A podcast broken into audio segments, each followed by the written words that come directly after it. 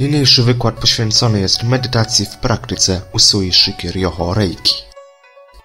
Medytacja w przypadku Reiki jest jednym z pięciu fundamentów yy, całej praktyki.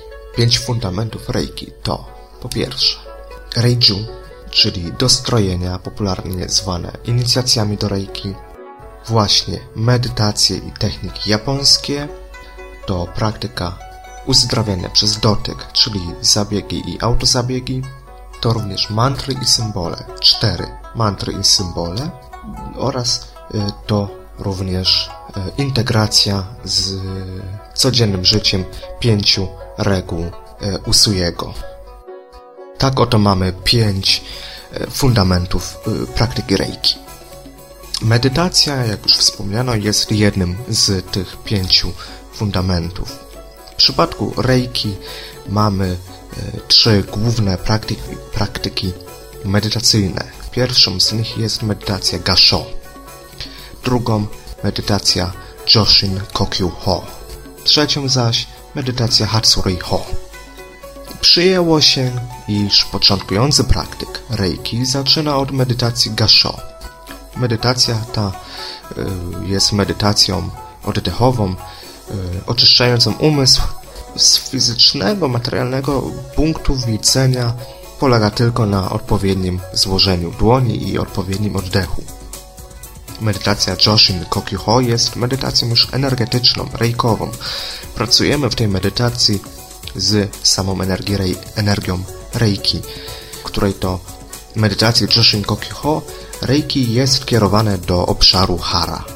Obszar hara kulturze japońskiej jest związany ściśle z podbrzuszem.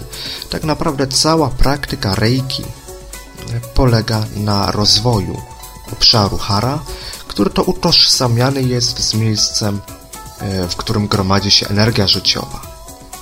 Im więcej tej energii, tej energii w obszarze hara zgromadzimy, tym więcej możemy jej spożytkować na własny rozwój wewnętrzny, ale przede wszystkim na uzdrawianie samego siebie z perspektywy emocjonalnej i fizycznej. W końcu trzecią medytacją w przypadku Reiki jest medytacja Hatsureiho, która to integruje wcześniejsze dwie medytacje Gasho oraz Joshin Kokiho. E, na dalszym etapie praktyki, po drugim, po trzecim stopniu, e, w medytacji Hatsureiho skupiamy się już na integracji wcześniejszych praktyk w celu dalszego rozwoju zdolności do przekazywania reiki.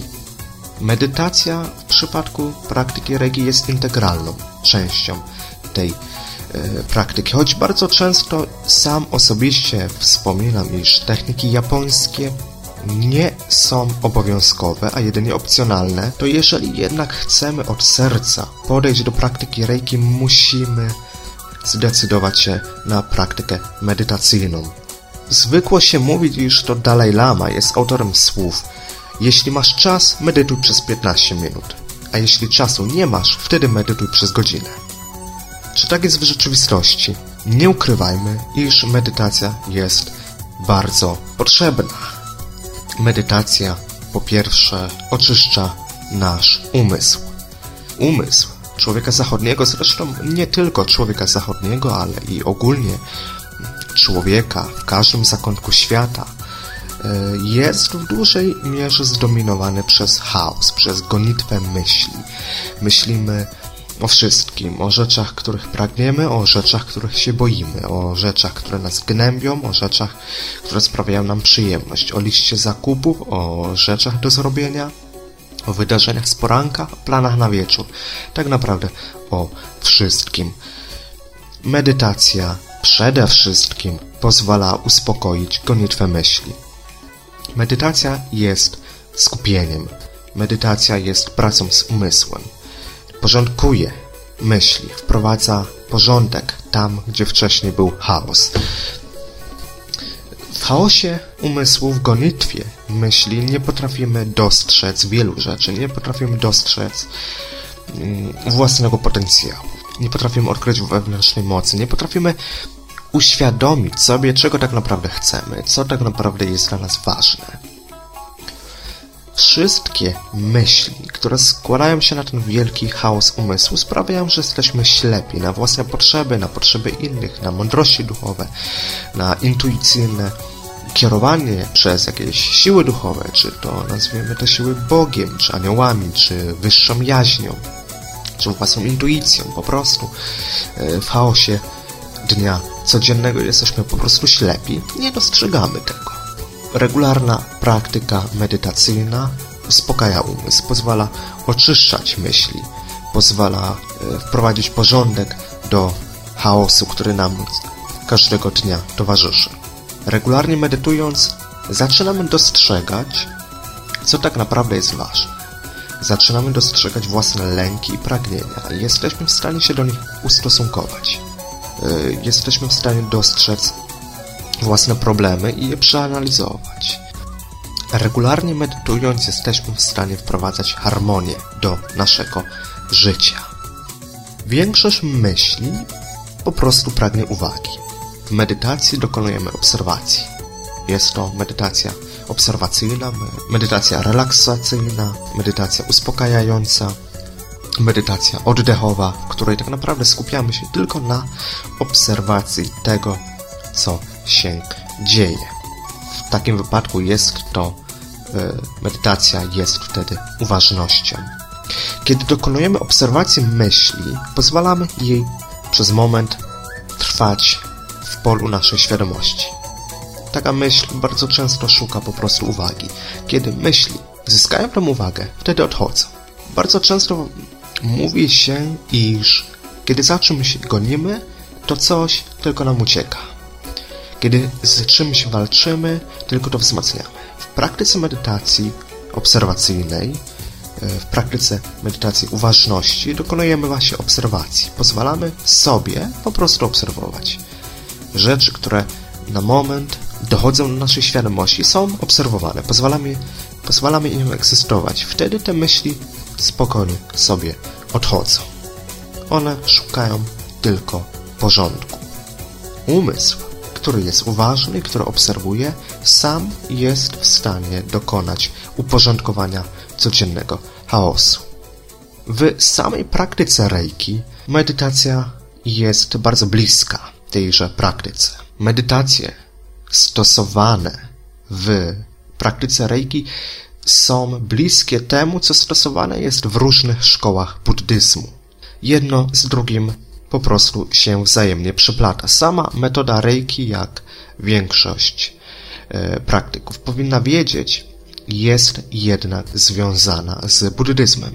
Mikao Usui, twórca metody Reiki, był praktykiem szkół buddyjskich Shingon oraz Tendai, a samą praktykę Reiki stworzył m.in. na bazie buddyzmu. Tyle e, słowem wprowadzenia do samej medytacji. Jeszcze jedną rzeczą, której należy wspomnieć, jest podkreślenie, iż medytacja polega albo na uważności, albo na skupieniu na konkretnej e, praktyce energetycznej. W przypadku praktyk energetycznych, takich jak Joshin Kokiho czy Hatsurei Ho, ciężko będzie mówić o czystej postaci medytacji. Niemniej jednak techniki te do medytacji teoretycznie są zaliczane. Ale co należy podkreślić, to fakt, iż medytacji nie wolno mylić z transem. Medytacja nie jest transem. Trans jest odmiennym stanem świadomości, w którym zatracamy poczucie czasu, zatracamy poczucie posiadania ciała fizycznego, zatraca, zatracamy poczucie istnienia rzeczywistości materialnej wokół nas. Umysł odpływa gdzieś, miewa wizje, e, odczuwa rzeczy, które są odczuwane jedynie na poziomie umysłu, doświadczeń umysłowych, emocjonalnych, nie zaś na poziomie realnych doświadczeń fizycznych. Tymczasem medytacja jest uważnością. Medytacja to spokój umysłu przy zachowaniu pełni świadomości. Medytacja to obserwacja. Człowiek, który medytuje, nie odpływa.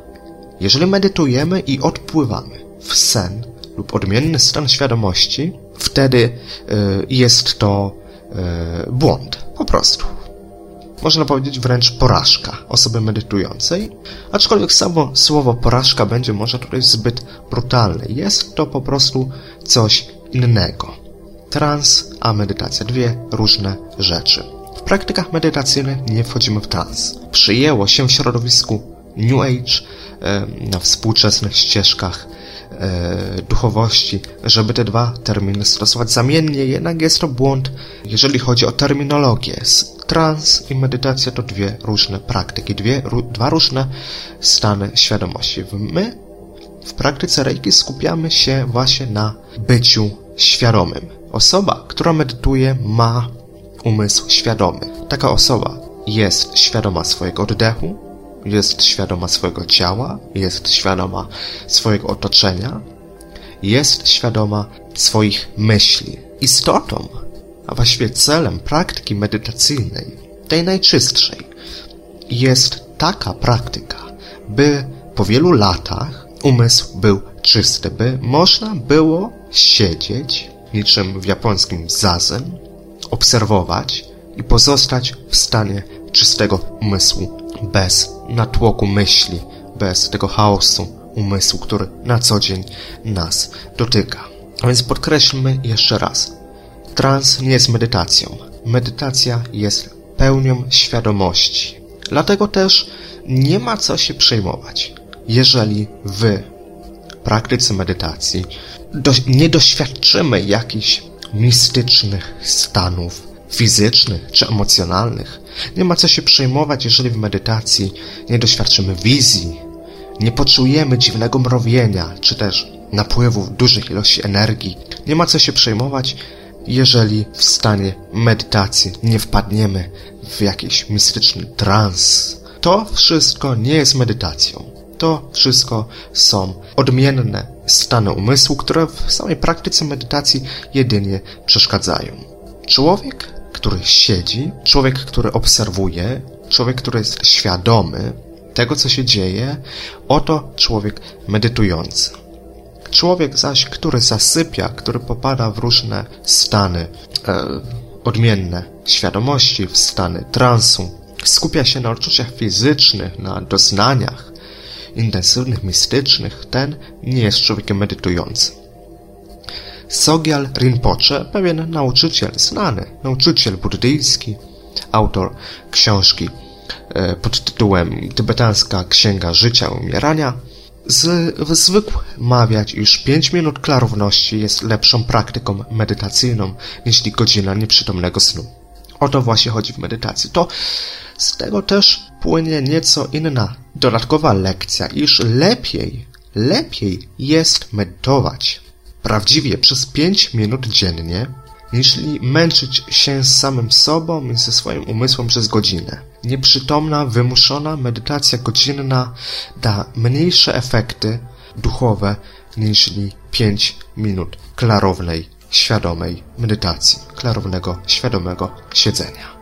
Tutaj również warto a propos medytacji podkreślić, iż w praktyce reiki, tej czystej, zwykłej, zabiegowej, jak i autozabiegowej, jak również w samej praktyce medytacji nie liczą się wrażenia fizyczne. Wielu praktyków bardzo często skupia się na odczuciach typowo fizycznych, na, e, na tym, co czuje w dłoniach, na mrowieniu, na przepływach energii. Bardzo pragnie widzieć energię, aury, ciała energetyczne, czakry i inne takie rzeczy. A tak naprawdę w praktyce Reiki nie o to chodzi w jakiejkolwiek praktyce e, czysto duchowej nigdy nie chodzi o, o odczucia fizyczne. Nie chodzi o ten moment, wow, jakie to wspaniałe, ale takie mrówki mam, co ja w ogóle czuję, ach. Nie, nie, nie, nie o to chodzi. W każdej praktyce duchowej tak naprawdę chodzi o tą klarowność, o to, co się dzieje w naszym własnym wnętrzu. To prawdziwa ezoteryka, czyli spoglądanie w samego siebie, we własne wnętrze, zaś skupianie się na tym, na tej warstwie wow, na tych odczuciach fizycznych, na doświadczeniach fajerwerkowych, że tu ktoś coś poczuł, że ktoś jakieś wizje miał i tak dalej, i tak. To jest egzoteryka. To jest skupianie się na tym, co zewnętrzne, co powierzchowne, co tak naprawdę nie ma głębszego znaczenia. I o tym warto pamiętać w przypadku reiki. To praktyki subtelne. Tu skupiamy się tak naprawdę na tym, co się dzieje we wnętrzu naszym i we wnętrzu e, osoby, której reiki przekazujemy. I to dotyczy również i praktyki medytacyjnej. Skupiamy się na świadomości tego, co się dzieje, nie skupiamy się natomiast na potrzebie odczuwania fizycznych, fajerwerków, mrowień, przepływów energii, stanów transowych, wizji i innych tego typu e, wybuchowych efektach praktyki duchowej. W dalszych momentach wykładu omówimy bardziej szczegółowo trzy główne rodzaje medytacji w praktyce Reiki, to jest Gasho, Joshinkoki-ho oraz Hatsurei-ho oraz ich detale, ich wpływ na życie, ich bezpośrednie i pośrednie efekty. Tymczasem teraz, kontynuując warstwę teoretyczną, warto omówić trzy główne filary praktyki medytacyjnej. Będą to właściwa postawa, właściwy oddech oraz właściwa myśl. Są to trzy główne filary medytacji. Trzy główne filary medytacji: postawa, oddech, myśl. Pierwszy filar to właściwa postawa. Mówimy tutaj głównie o postawie fizycznej, ale też o postawie bardziej, bardziej emocjonalnej. E, chodzi o to, zaczynając od tej drugiej, do każdej praktyki medytacji należy podejść z szacunkiem. Nie ma co ukrywać, iż praktyka medytacji jest jednak praktyką z własnym wnętrzem. E, podchodźmy więc do jakby nie było własnego wnętrza z szacunkiem, z powagą, z dyscypliną. Medytacja nie należy do praktyk brutalnych, agresywnych, nieprzyjemnych. Jednakże, no nie ukrywajmy, pracujemy z samym sobą i wymaga to pewnego szacunku, pewnej, pewnego szacunku do samego siebie, ale też pewnej, powiedzmy, miłości do samego siebie, samoakceptacji, ponieważ różne rzeczy z naszego umysłu mogą wypływać praktyce medytacyjnej. Znajdźmy te 20, 25 do 30 minut każdego dnia na praktykę medytacyjną. Usiądźmy w spokoju, zrelaksujmy się, upewnijmy się, iż nikt nie będzie nam przeszkadzał. E, wyłączmy telefony, wyłączmy urządzenia elektryczne, zapalmy sobie świece, co również jest bardzo istotnym elementem praktyki i usiądźmy w e, spokoju. Bardzo często chodzi po prostu o to, aby wydzielić sobie czas dedykowany na praktykę medytacyjną, w czasie którego na pewno nikt nam nie przeszkodzi, niczego nie będziemy musieli robić. Wtedy, w tym wydzielonym czasie, schodzi, schodzimy sobie do naszego wydzielonego pomieszczenia i siadamy sobie. Trzy pozycje do medytacji to pozycja lotosu bądź półlotosu, czyli ta słynna E, pozycja ze skrzyżowanymi nogami. Drugą pozycją typowo japońską, preferowaną w praktyce reiki jest pozycja tak zwany siad seiza, którym to siedzimy na kolanach, a właściwie na nogach podciągniętych pod e, pośladki, stopy ułożone pod kątem, tak by duży palec prawej stopy e, ułożony był na dużym palcu lewej stopy i tak z plecami prostymi siedzimy sobie na macie bądź na ważnej y, poduszce zwanej zafu. Są to poduszki wypełnione jakimś materiałem typu yy, gryka.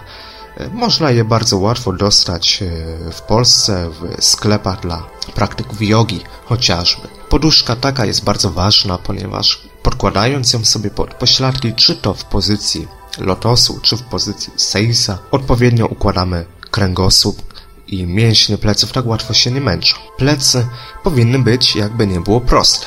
Jest jeszcze trzecia pozycja, w której możemy siedzieć w stanie medytacji, którą to zwykłem nazywać pozycją amerykańską. Jest to pozycja w wygodnym fotelu z oparciami pod e, łokcie, pod ręce. Jest to również pozycja którą można zastosować, jeżeli nasze ciało z jakiejś przyczyny nie pozwala nam siedzieć ani w lotosie, ani w seiza.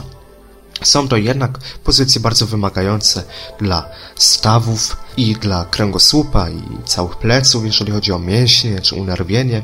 E, to też osoby chore bądź po prostu już godziwe wiekiem, będą bardziej preferować pozycję w fotelu. Też możliwość medytacji taka istnieje, to tak naprawdę podkreślmy, medyta medytacja jest pracą z umysłem. Medytacja jest stanem świadomości, stanem obserwacji tego, co się dzieje.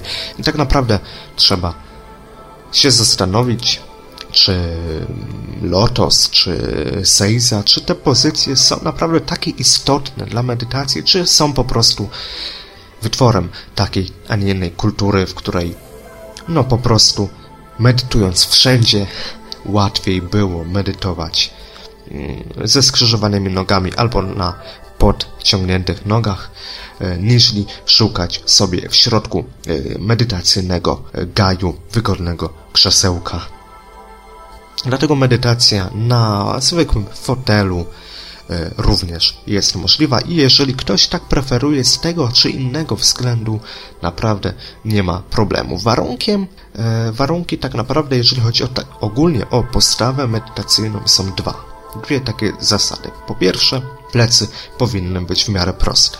Wiadomo, jeżeli ktoś ma już bardzo, bardzo e, krzywy kręgosłup bądź jakąś deformację, zwyrodnienie, no oczywiście w 100% prostych pleców, jak to na wszystkich tych e, zdjęciach reklamowych czy filmach o medytacji widzimy, nie uzyskamy. Najważniejsze, żebyśmy się jednak starali, aby plecy były proste, nie na siłę. Ponieważ tutaj wchodzi druga zasada, nic na siłę. E, pozycja medytacyjna ma być wygodna, nie za sztywna, ale też nie za luźna. Musimy sami odnaleźć e, swoją równowagę, jeżeli chodzi o to, jak, jaką pozycję ciała fizycznego przyjmujemy do medytacji. Bo tak naprawdę każdy będzie medytował po swojemu. Nie ma wielkiego sensu byśmy przejmowali się tym, y, jak siedzą inni. Bywałem na wielu warsztatach medytacji, w których to najczęściej obserwowałem nie medytację, ale usilne starania wszystkich uczestników o to, aby wyglądać jak najbardziej profesjonalnie. A tak naprawdę nie o to chodzi. Ty, jako e, osoba medytująca, e, nie masz siedzieć jak z obrazka. Obrazków osób medytacyjnych mamy dużo. Wystarczy sobie wstukać w pewną popularną wyszukiwarkę internetową hasło medytacja i zaraz nam się wyświetli sporo obrazków. Nie o to chodzi, abyśmy wyglądali jak z obrazka. Chodzi o nasz własny umysł. Plecy mają być w miarę proste, a my mamy być, my mamy odnaleźć indywidualną równowagę pomiędzy sztywnością a luźnością. Ciało ma być nie za sztywne, nie za luźne. I każdy będzie preferował, jakby nie było, inną pozycję medytacyjną. Można nawet medytować na leżąco, o ile ktoś jest w stanie e, zagwarantować samemu sobie, ponieważ odpowiedzialność mamy tylko wobec siebie, że e, nie zaśniemy. Właśnie ta postawa niezasztywna postawa sprawia, że nie męczymy się za szybko, a postawa niezaluźna sprawia, że nie zasypiamy. Każdy znajdzie swoją indywidualną pozycję, indywidualne ustawienie nóg, rąk, e, indywidualne e, wygięcie e, kręgosłupa, czy indywidualną, preferowaną przez siebie pozycję, czy to w lotosie, czy w seiza, czy w fotelu, czy na łóżku, czy pod ścianą, jak kto woli. Co więcej, jeżeli naprawdę nasz kręgosłup wygląda, jest w opłakanym stanie, nie przejmujmy się znaleźć czegoś do podparcia. Warto po prostu usiąść sobie pod ścianą, jeżeli już mamy takie, a nie inne ciało, no, jesteśmy tylko ludźmi. Ale na początku warto przede wszystkim popracować z odpowiednim ułożeniem poduszki medytacyjnej. Odpowiednia wysokość, odpowiednia szerokość tej poduszki, odpowiedni materiał wypełniający, który aż albo się łatwo zbija, albo jest bardziej albo trudniej się zbija i, i tak szybko nie zapadniemy się w tej poduszce. Warto z tym poeksperymentować, a może się okazać, że odnajdziemy własną, odpowiednią pozycję e, do mm, medytacji, w której będziemy naprawdę wygodnie siedzieć w klasycznej japońskiej pozycji seiza. Także jeszcze raz podkreślę, szukajmy do medytacji własnej, indywidualnej, wygodnej pozycji, zamiast skupiać się e, na tym, by wyglądać jak z profesjonalnego zdjęcia reklamującego praktykę jogi czy medytacji. Jeżeli o to nie zadbamy, wtedy bardziej będziemy się skupiać na tym, e, żeby wyglądać, niż zamiast e, praktykować. Drugim filarem medytacji jest właściwy oddech. I tutaj również warto e, wspomnieć o kilku zasadach.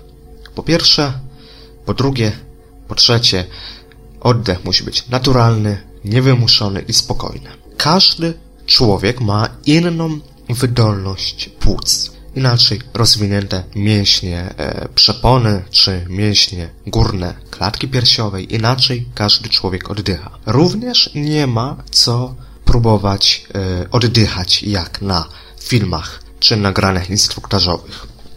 Nie ma sensu dostosowywać się do tempa oddechu innych osób. Każdy człowiek ma własne tempo oddechu.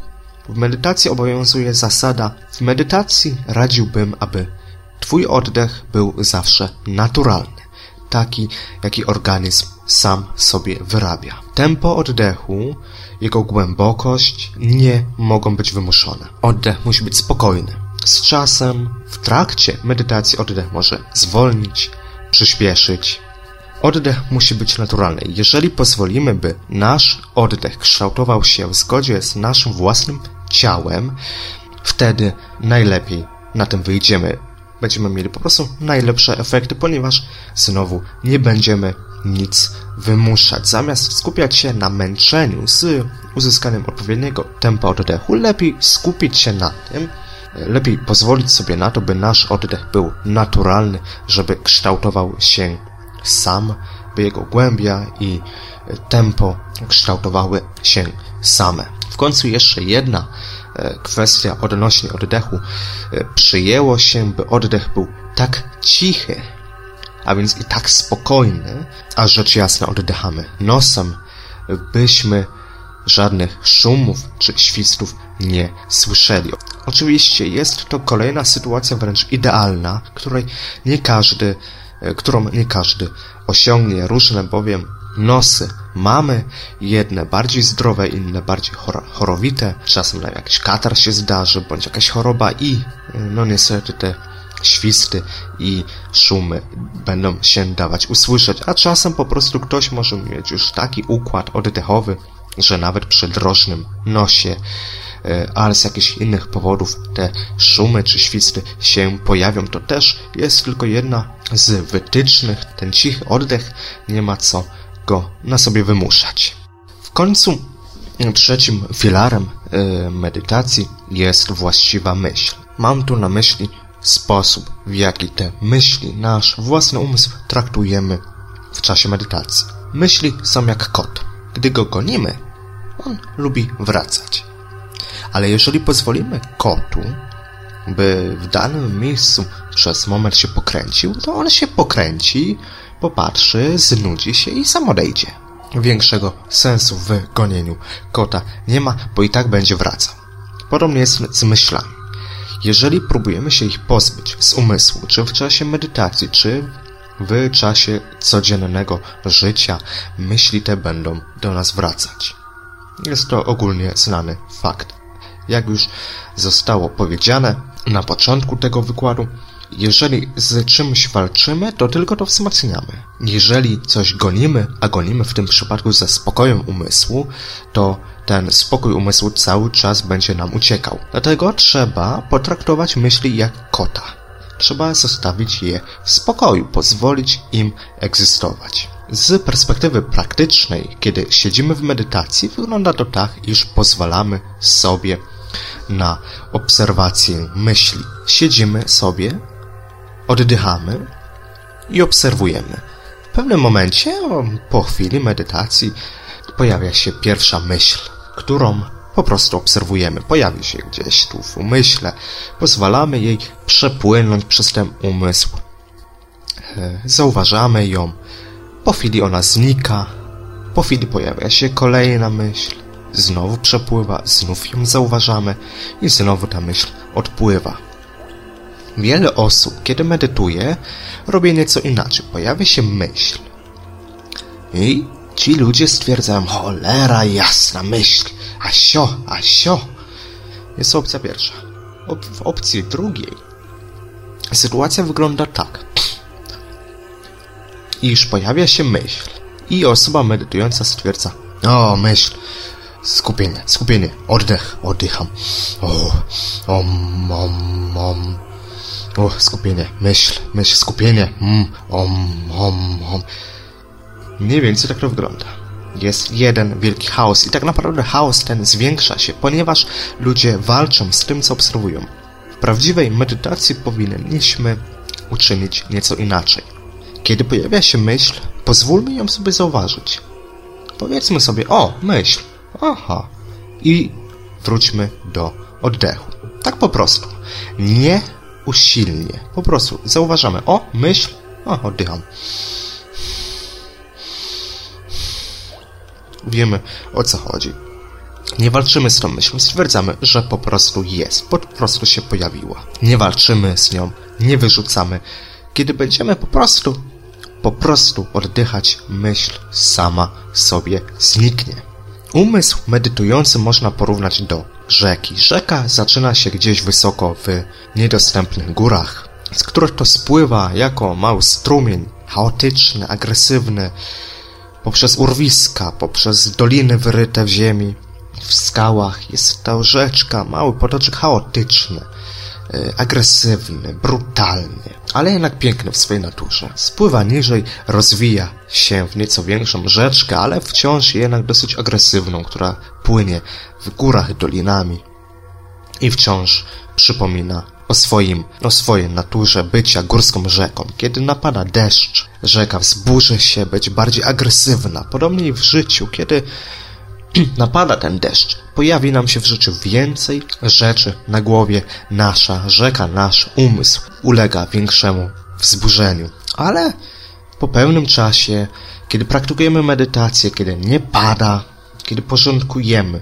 ten cały deszcz, ten nadmiar wody, wtedy rzeka znów wraca do swojej naturalnej postaci i w tej naturalnej postaci płynie dalej. Płynie sobie dalej, w końcu się uspokaja, rozlewa się, jest szeroka, ale spokojna, a w końcu, płynąc różnymi zakrętami, mandrami, wpada do oceanu, który to ocean jest rozległy, ale spokojny. Wtedy uzyskujemy spokój umysłu. Na początku jest źle, jest chaotycznie. Jest bardzo dużo agresji płynącej z tego umysłu. Agresji w sensie natłoku różnych myśli, wzburzeń, rozprysków o każdą najmniejszą skałkę, jak w przypadku górskiego potoku. I po pewnym czasie, w miarę praktyki, w miarę postępu, w medytacji, rzeka się uspokaja, wpada do oceanu, a ocean jest już spokojny. Jest rozległy, spokojny i majestatyczny. Ale nawet na oceanie zdarzają się fale. Czasem może się zdarzyć sztorm. I nawet w umyśle doświadczonym medytacją mogą zdarzyć się gorsze momenty. Jest to całkowicie naturalne. Przywilejem nieoświeconego umysłu jest wpadanie w złość albo doświadczanie negatywnych emocji. Jest to całkiem naturalne, póki nie jesteśmy oświeceni, nie ma co się przejmować, nie ma co kierować na siebie autoagresji za to, że coś nam nie wychodzi w medytacji. Dlatego jeszcze raz, właściwa myśl w medytacji to obserwacja myśli, pozwolenie im egzystować. Im dłużej z takimi rzeczami pracujemy, im dłużej medytujemy, tym mniej myśli się w naszym życiu pojawia, tym mniej kamieni w rzece burzy gładką taflę wody. Po prostu potrzeba nam czasu. W miarę praktyki medytacyjnej po tygodniach, po miesiącach, po latach umysł będzie znacznie spokojniejszy, a życie będzie bardziej uporządkowane. Ponieważ kiedy umysł jest spokojny, kiedy te myśli nie krążą, nie tłoczą się, nie próbują dojść do świadomości, ponieważ już doszły, ponieważ już zostały uporządkowane w medytacji. Z tego powodu te rzeczy, ten chaos nie manifestuje się w życiu.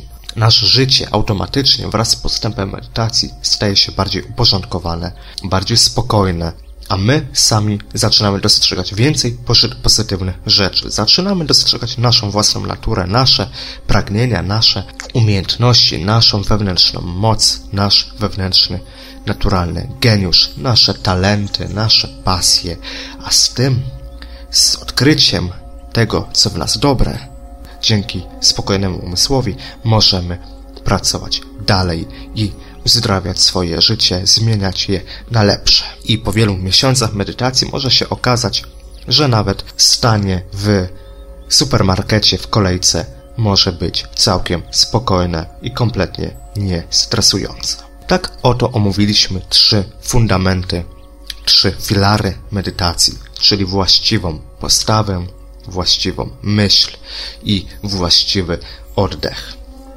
Te wszystkie trzy elementy połączone w medytacji, czyli odpowiednie, odpowiednia pozycja fizyczna plus odpowiedni naturalny oddech plus obserwacja myśli dają najlepsze efekty. Kolejną kwestią są techniki skupienia w medytacji. W przypadku medytacji możemy po prostu obserwować, ale jest to praktyka, nie ukrywajmy, bardziej zaawansowana. To pojawia się dopiero na dalszym etapie rozwoju wewnętrznego. Na początku stosuje się różne punkty skupienia. Można w czasie medytacji skupić się na oddechu, można skupić się na obiekcie, lub też można skupić się na mantrze. Takie skupienie pozwala również uzdrawiać chaos umysłu. I również w praktyce reiki bezpośrednio możemy mieć kilka takich elementów, takich punktów skupienia. Możemy właśnie skupić się jak w medytacji gasho, możemy skupić się typowo na oddechu. Wtedy w przypadku odpłynięcia za jakąś myślą, którą to świadomie zauważamy, o, myśl, hmm, wracamy do punktu skupienia, jakim jest oddech, czyli powracamy po prostu do oddechu. Możemy również skupić się bezpośrednio na energii reiki, w takich medytacjach jak Joshin Kokiho czy też Hatsu Reiho, która to subtelnymi kanałami płynie do obszaru Hara znajdującego się w podbrzuszu. Wtedy po zauważeniu myśli po prostu wracamy do pracy z energią. Kolejnym punktem skupienia może być obiekt i w tym przypadku obiektem może być e, jeden z czterech symboli Reiki, jeden z czterech znaków Reiki, czy będzie to Chokurei, czy Seiheki, czy, czy Honsha Shonen, czy też Daikomyo, lub główny symbol Reiki, czyli Kanji Reiki, skupienie na tym obiekcie, e, który jak każdy przecież ze znaków z pięciu symboli, łącznie z Kanji Reiki, ma jakąś tam, niesie ze sobą dawkę energetyczną dawkę reiki, która też jakoś wpływa na praktykę e, reiki, na rozwój wewnętrzny praktyka. I tak na przykład Chokurei wzmacnia nasze połączenie z energią ziemską, z energią świata materialnego, rozbudowuje nasz korzeń, czyli obszar hara.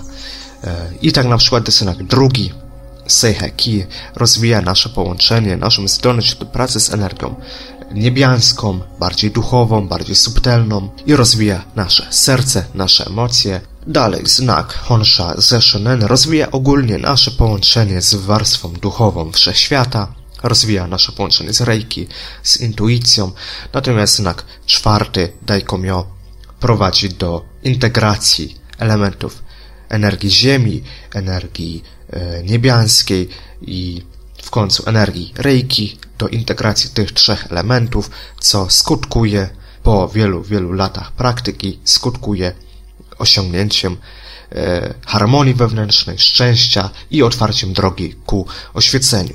W końcu trzecim e, punktem skupienia może być sama mantra, czyli same e, nazwy e, symboli, znaków reiki, które to można albo powtarzać w umyśle, albo szeptać po cichu, bądź też z obszaru hara mantrować niczym tybetańscy mnisi. Wszystkie te punkty skupienia będą dobrze działać. I teraz pojawia się pytanie, który z tych trzech punktów, właściwie czterech, bo i energię reiki samą wliczamy, który z tych czterech punktów skupienia najlepiej sobie wybrać? Odpowiedź jest prosta. Ten, który preferujemy.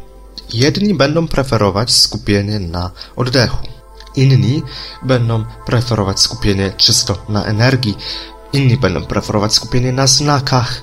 E, jeszcze inni na mantrach. Tak naprawdę wszystko, każdy z tych czterech punktów skupienia będzie e, na tyle skuteczny, na ile sam praktyk sobie pozwoli. Jedni są po prostu bardziej, bardziej taktylni, bardziej skupieni na warstwie fizycznej i dla takich osób skupieniem, skupienie na oddechu czy odczuciach fizycznych energii, o ile takowe mają, e, będzie skuteczniejsze jako punkt skupienia. Inni są bardziej wizualni, E, e, są wzrokowcami i będą preferować wpatrywanie się, czy też wizualizację, bo można i się wpatrywać w obraz realny na ścianie, bądź też wizualizować symbol.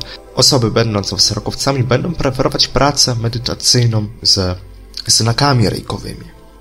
A w końcu osoby, które są bardziej słuchowcami, e, preferują dźwięki, będą preferować mantrowanie czterech symboli, pięciu, przepraszam, symboli reiki.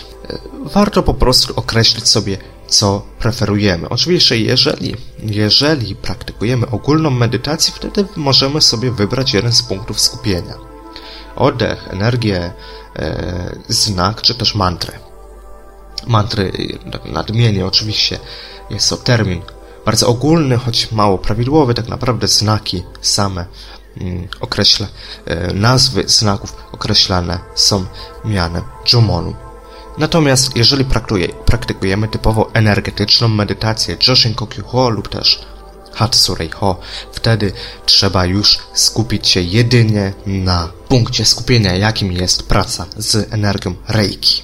A teraz, tak jak e, było obiecane, omówienie trzech głównych technik medytacyjnych związanych bezpośrednio z Reiki e, w większej ilości szczegółów. Medytacje Gasho, Joshin Kokyuho i Hatsurei-ho praktykowane były na początku XX wieku w pośród uczniów Mikao Usujego i przez samego Usujego również. Na nowo wprowadzone do praktyki Reiki zachodniego na początku XX wieku e, dzięki pracom Marka Hosaka, Waltera Lubeka, Franka Petera czy Williama Randa mogą bardzo wspomóc rozwój wewnętrzny praktyka Reiki, bo tak naprawdę o tym, y, o to się w Reiki rozchodzi. Rozwój wewnętrzny, uzdrowienie warstwy emocjonalnej i duchowej. Praktyce Reiki uzdrowienie fizyczne jest rezultatem uzdrowienia duszy. Sama praktyka Reiki jest głównie praktyką rozwoju e, duchowego. Pierwszą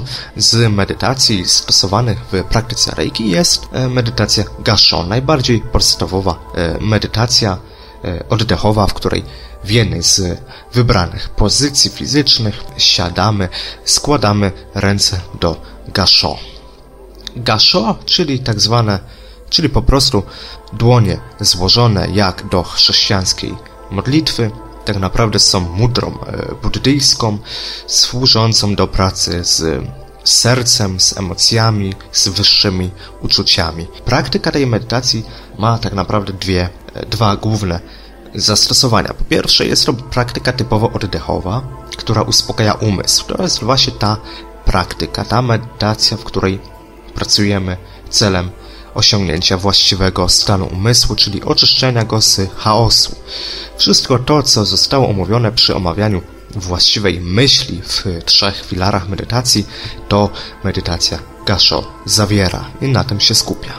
Oprócz złożenia dłoni do Gasho zaraz przed sercem, pamiętamy również o tym, by język dotykał podniebienia. W przypadku medytacji Gasho są dwie istotne kwestie odnośnie oddechu. Pierwsza to fakt, iż przy wdechu powietrze wdychamy nosem, a język dotyka delikatnie podniebienia zaraz za zębami. Tymczasem w przypadku wydechu wydychamy ustami, a język spoczywa luźno e, w jamie ustnej. Skupiając się na oddechu, e, dłonie trzymając w gaszo, praktykujemy tak od 5 do 15, 30 45 minut, w zależności od etapu, na którym jesteśmy. Jak w przypadku każdej medytacji, najlepiej zacząć od krótkich form, e, od krótkich praktyk medytacyjnych i z czasem w miarę rozwoju własnej praktyki poszerzać, e, rozszerzać i wydłużać czas medytacji. Jak zostało powiedziane, e, osiągnięcie spokoju wewnętrznego, czy poprzez właśnie obserwację myśli jest podstawą, jest jednym z zastosowań medytacji Gasho. Drugim zastosowaniem, które jest efektem tej pracy z nadmyślami i też pracą z mudrą Gasho jest rozwój wyższych uczuć i rozwój współczucia do wszystkich żywych istot, współczucia w e, znaczeniu typowo buddyjskim, które to współczucie pozwala nam lepiej rozumieć wszystkie żywe istoty, wczuć się nieco w ich życie, przez co możemy okazywać tym osobom większą miłość, większą pomoc, większą tolerancję i akceptację. To tak w wielkim skrócie. Drugą formą medytacji typowo rejkowej jest Joshin Kokyuho. Jest to już medytacja energetyczna. W przypadku Joshin Kokyuho mm, dłonie spoczywają w formie, w mudrze równowagi zaraz przy obszarze Hara. Obszar Hara jest to centrum energetyczny, obszar znajdujący się w regionie podbrzusza, kilka centymetrów w głębi ciała, kilka centymetrów pod pępkiem. Jest to obszar, obszar rozumiany jako główne źródło życiowej i duchowej energii, która pozwala na utrzymanie zdrowia, harmonii wewnętrznej, harmonii fizycznej, emocjonalnej i duchowej. Tam właśnie rodzi się równowaga pomiędzy światem fizycznym a światem e, duchowym. Medytacja Joshin Kokyuho ma za zadanie e, rozwijać właśnie obszar hara, czyli rozwijać naszą zdolność do gromadzenia energii życiowej, energii duchowej, reiki, co w rezultacie sprawia, że możemy tej, z tej energii korzystać na poziomie podświadomym, ciało samo z niej skorzysta w celu uzdrawiania i emocji, i chorób fizycznych, i problemów duchowych. To pierwsze zastosowanie tej medytacji. Drugim zastosowaniem jest, jest sam fakt, że pracujemy z obszarem hara, sprawia, że nasz korzeń, nasze ukorzenienie, czyli połączenie ze światem materialnym, się również rozwija. W praktyce Reiki bardzo ważne jest, aby rozwijać swoje połączenie ze światem fizycznym, czyli naszą rozwijać naszą egzystencję, egzystencję w świecie materialnym po to, aby rozwijać również się duchowo. Niczym drzewo nie jesteśmy w stanie rozwijać się duchowo, nie jesteśmy w stanie wytworzyć olbrzymiej duchowej korony naszego ludzkiego drzewa, jeżeli równocześnie nie rozwiniemy mocnego systemu korzeni, jeżeli się nie zakorzenimy w świecie materialnym, to świat duchowy po prostu nas porwie. I dlatego praktykujemy Joshin Kokyuho, aby pracować z obszarem Hara. Praca z obszarem Hara automatycznie rozwija nasze zakorzenienie w świecie e, materialnym, w świecie fizycznym. Sama medytacja natomiast polega na powiązaniu oddechu z pracą z energią. Dłonie złożone w murze równowagi, której zdjęcie można znaleźć, ilustrację można znaleźć zarówno w mojej książce Droga Reiki, jak i w skrypcie e, Rejkowiska do pierwszego stopnia, czyli Shodan. Mudra ta również i buddyjska, powiązana jest z pracą z obszarem Hara, też wspomaga osiąganie równowagi pomiędzy światem fizycznym a duchowym. Praktykę Joshin Kokyuho rozpoczynamy od standardowego, przekazanego nam przez nauczyciela sposobu otwarcia się na przekaz energii Reiki. Prosimy o to Reiki, aby Reiki spływało do nas i z oczami czy to zamkniętymi, czy otwartymi, przy każdym wdechu, e, intencją kierujemy, wdychamy energię Reiki właśnie do obszaru Hara. Na sekundkę energię tam zatrzymujemy, również i wdech zatrzymujemy, a po sekundce robimy wydech i w momencie wydechu intencją rozpływamy energię reiki z obszaru hara po całym ciele. Oddech, czyli i wdech i wydech odbywa się tylko i, tylko i wyłącznie przez nos, zaś język cały czas dotyka podniebienia tuż za zębami. Kwestia tego języka i podniebienia to kwestia praktyki taoistycznej, której elementy również pojawiają się w reiki. Taoiści wierzą, a taoizm przecież jest odpowiedzialny za tai chi, za qigong, czy za całą medycynę chińską, jak również i za kuchnię według pięciu przemian i wiele innych elementów kultury chińskiej. Taoiści wierzą, iż dotknięcie językiem podniebienia łączy przedni i tylni kanał energetyczny, te subtelne kanały energetyczne, przez co uzyskujemy równowagę w, przepływie, w zdrowym przepływie energii życiowej, po tak zwanej orbicie mikrokosmicznej. Taką medytację z energią, wdech i wydech, y, praktykujemy od 5 do 15 do 45 minut nawet. Pamiętając o tym, że w momencie, w którym w czasie medytacji poczujemy dreszcze, czy wręcz zakręcie nam się w głowie, y, powinniśmy medytację zakończyć i w miarę praktyki nasza tolerancja dla energii y, będzie się rozwijać. Warto również pamiętać, iż na zakończenie praktyki Joshin Koki Ho E, dziękujemy za rejki, zamykamy przepływ i układamy dłonie na krzyż na obszarze hara, na którym się skupiamy przez e, około 5 minut, aby energie, energie niepotrzebne w innych regionach ciała powróciły do obszaru hara, z którego to będą potem przez podświadomy umysł rozdysponowywane w zgodzie z najwyższym dobrem naszego własnego organizmu i ciał emocjonalnego i duchowego. W końcu trzecią praktyką medytacyjną w przypadku Reiki jest klasyczne Hatsurei Ho. Jest to praktyka zalecana dla bardziej zaawansowanych praktyków. Łączy ona bowiem i medytację Gasho i praktykę Joshin Ho, w której to energię ściągamy ze źródła, e, energię Reiki oczywiście, i promieniujemy tą energią na nasze otoczenie. Technika ta koniec końców nie tylko rozwija nasze połączenie ze źródłem, czy rozwija naszą zdolność do przekazywania reiki, co również bardzo mocno energetyzuje na, nas samych, co w efekcie prowadzi do wyciągnięcia z głębin podświadomości kolejnych rzeczy, które wymagają od nas przepracowania e, rzeczy natury emocjonalnej czy duchowej. Tak naprawdę nie pojawia się w tej medytacji nic innego, nic, co nie zostałoby wcześniej omówione, jest to tylko bardziej zaawansowane i bardziej intensywne pod względem energetycznym połączenie wszystkich poprzednich technik e, medytacyjnych, czyli i i Joshin Kokyu Ho. Jedynym elementem oryginalnym dla Hatsurei Ho jest e, technika suchej kąpieli Kenyoku Ho, czyli oczyszczania energii z pomocą e, odpowiednich ruchów dłoni. E, kiedy to dłoń z jednego barku ściąga energię do przeciwnego biodra i vice versa, a w drugiej fazie energia z pomocą dłoni jest ściągana przeciwnej ręki i również vice versa. Wszystkich tych technik tak naprawdę można nauczyć się e, z teoretycznych ale ilustrowanych poradników. Wszystkich tych technik można się nauczyć z e, książki Droga Reiki, czy części metod można nauczyć się ze skryptu rejkowiska do pierwszego stopnia Reiki, bądź też można przyjechać kurs do rejkowiska na kurs doszkalający.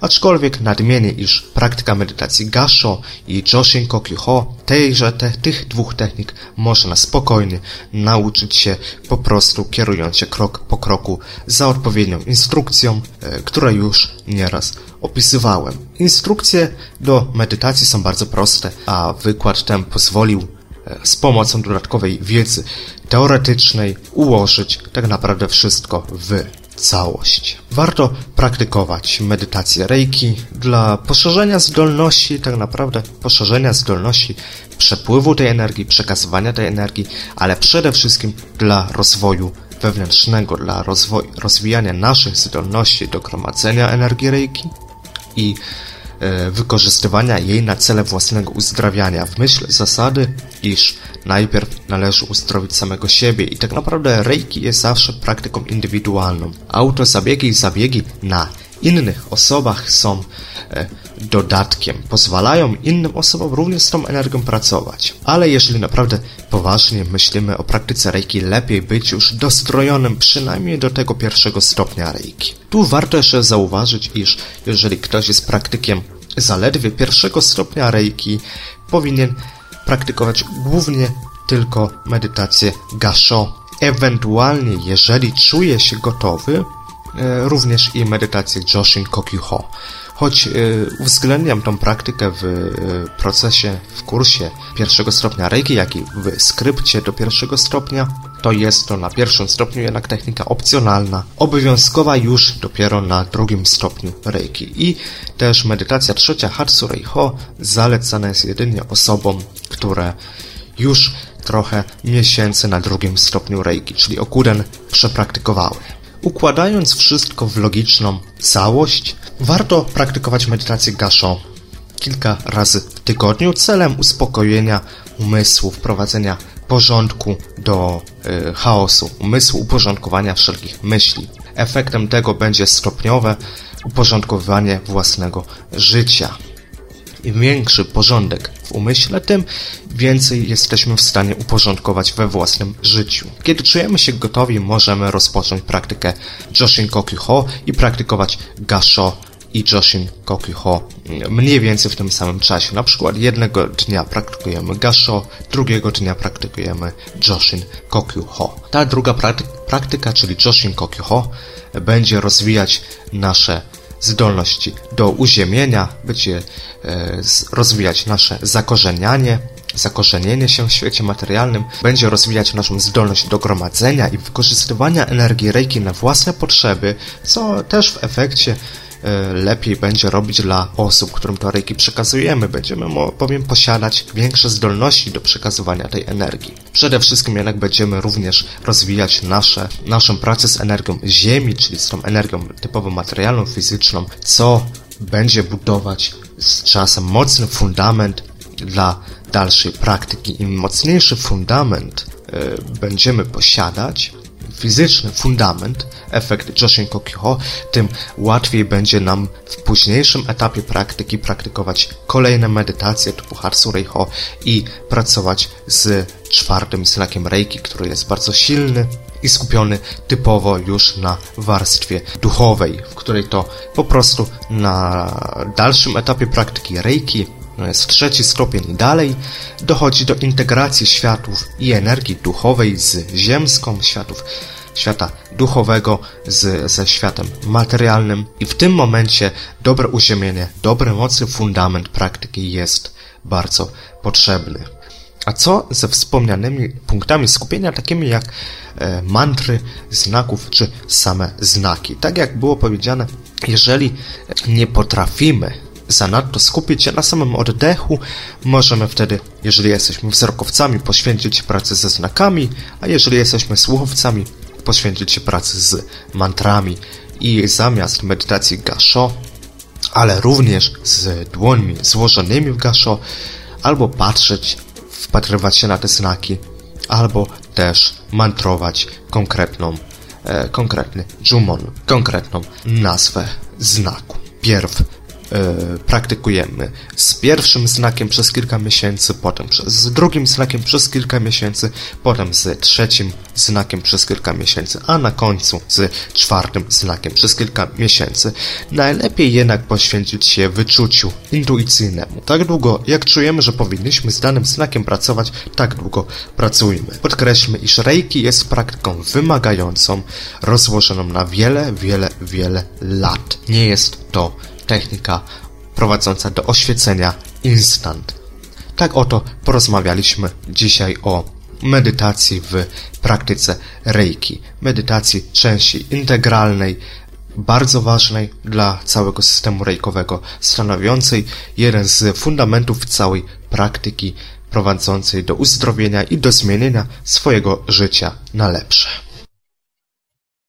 Niniejszy wykład został udostępniony na licencji Creative Commons. Oznacza to, że każdy z Was może rozpowszechniać go w dowolnej ilości, w dowolny sposób, pod warunkiem, iż nie będą pobierane żadne opłaty za udostępniany materiał. Zapraszam na stronę Rejkowiska e, www.rejkowisko.org. Jeżeli chcecie odwdzięczyć się za, za ten darmowy wykład, to w dokumentacji dołączonej do tego nagrania znajdziecie instrukcje i pomysły, sugestie, jak możecie tego dokonać.